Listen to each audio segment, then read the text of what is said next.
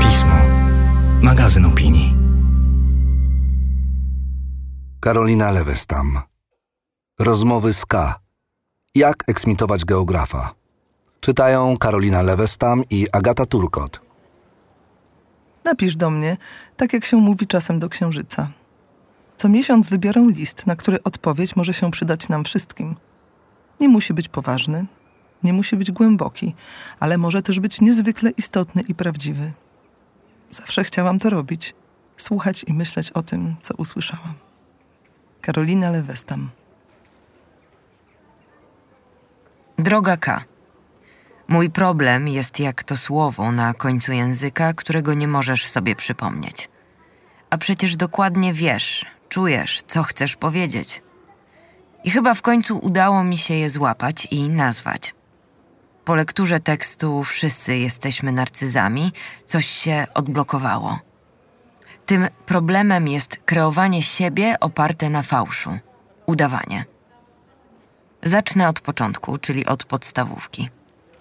Wychowałam się w czasach, gdzie jeszcze wmawiało się dziewczynkom, że dla nich odpowiednie są przedmioty humanistyczne, artystyczne, a dla chłopców nauki matematyczno-przyrodnicze. Ja byłam wystarczająco dobra ze wszystkiego, ale też z natury trochę przekorna. I z tej przekory zapisywałam się na dodatkowe zajęcia i olimpiady z tej drugiej grupy przedmiotów, na przykład z matematyki i geografii. Dało mi to różne doświadczenia. Pani od matematyki była wspaniała, nikogo nie wykluczała. Pan od geografii natomiast poważnie traktował tylko chłopców.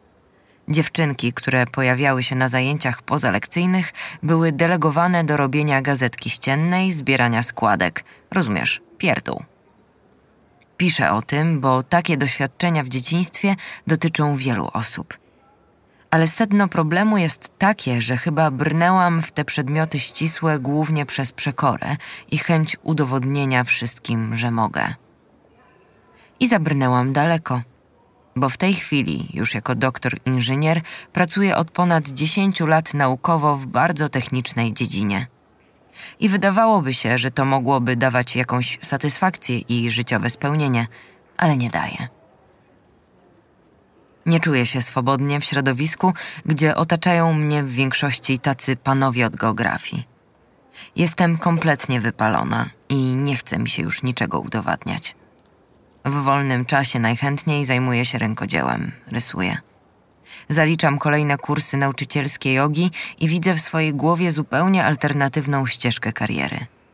Pochłaniam grube powieści zamiast czasopism branżowych i czuję, że nie przynależę nigdzie. Nie mam wielu wspólnych tematów z moimi współpracownikami, a wśród humanistów czuję się jak troglodyta. Ciągle zadaję sobie pytanie, czy całe moje życie jest udawaniem?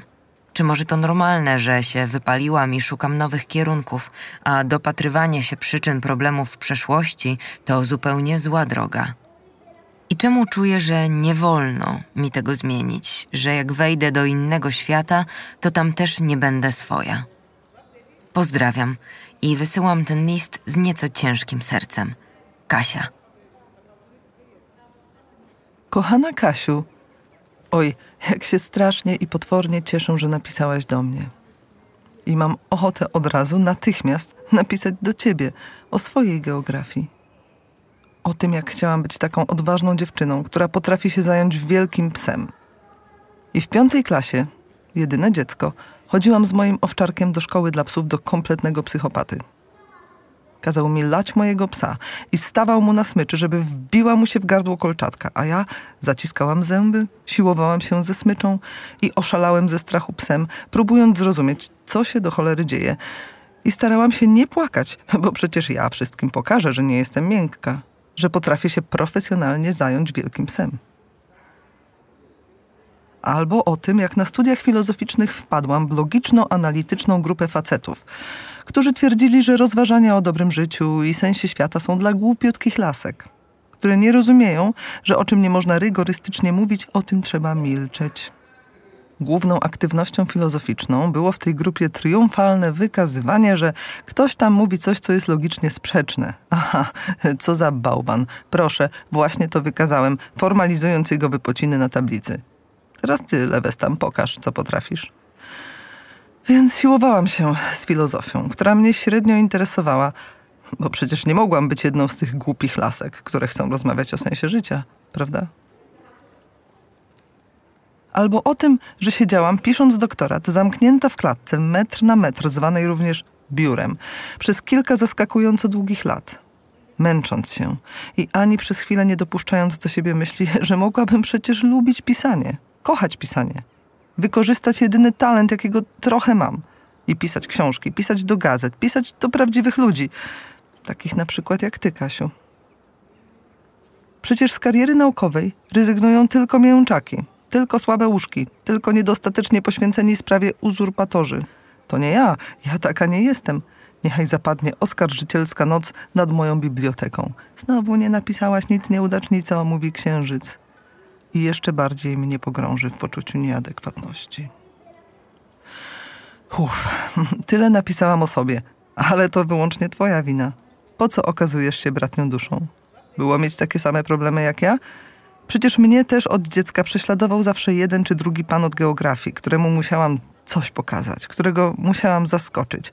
Pan od geografii, wyobrażony obserwator z taką podłą miarką, że według niej zawsze okazujesz się za krótka, z którym wygrasz wyłącznie biegnąc maraton w kompletnie niewłaściwym życiowym kierunku.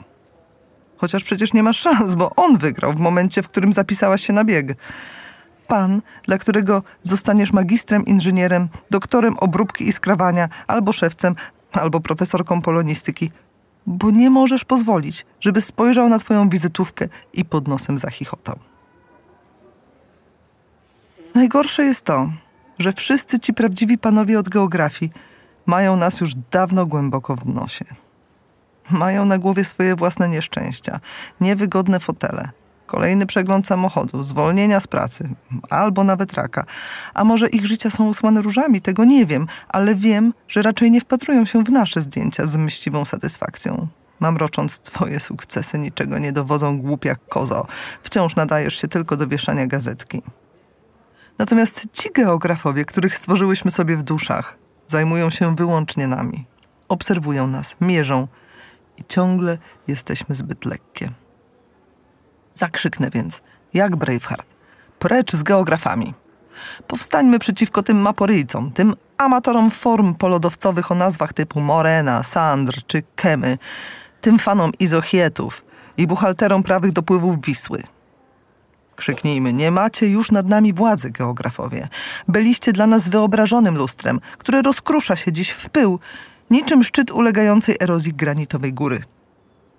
My zaś powstajemy jak wzniesienia między napierającymi na siebie masami tektonicznymi i pędzimy w wybranym przez siebie kierunku, jak migrujące w inne strefy klimatyczne ptaki, nie bacząc na wytyczony waszym kompasem szlak.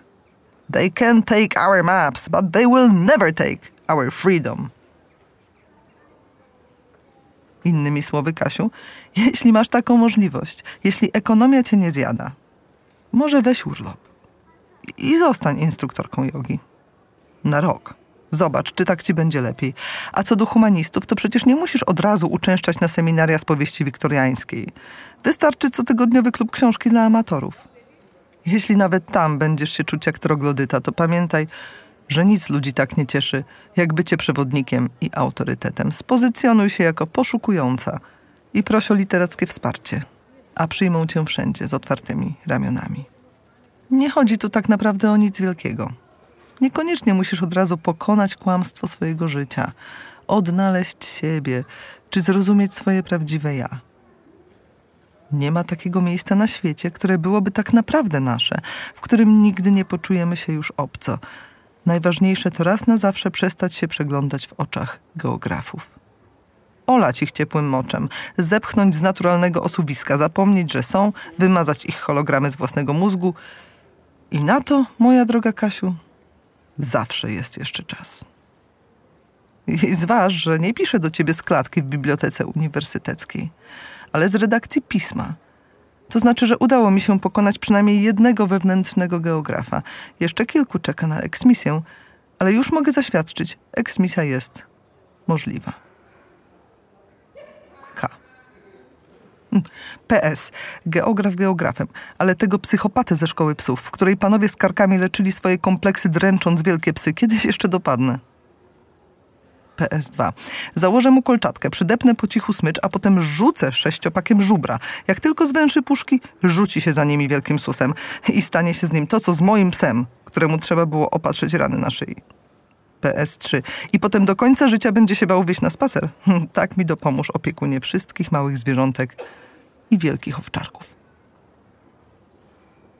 Felieton ukazał się w 54. numerze miesięcznika Pismo, magazyn opinii. Czytały Karolina Lewestam i Agata Turkot.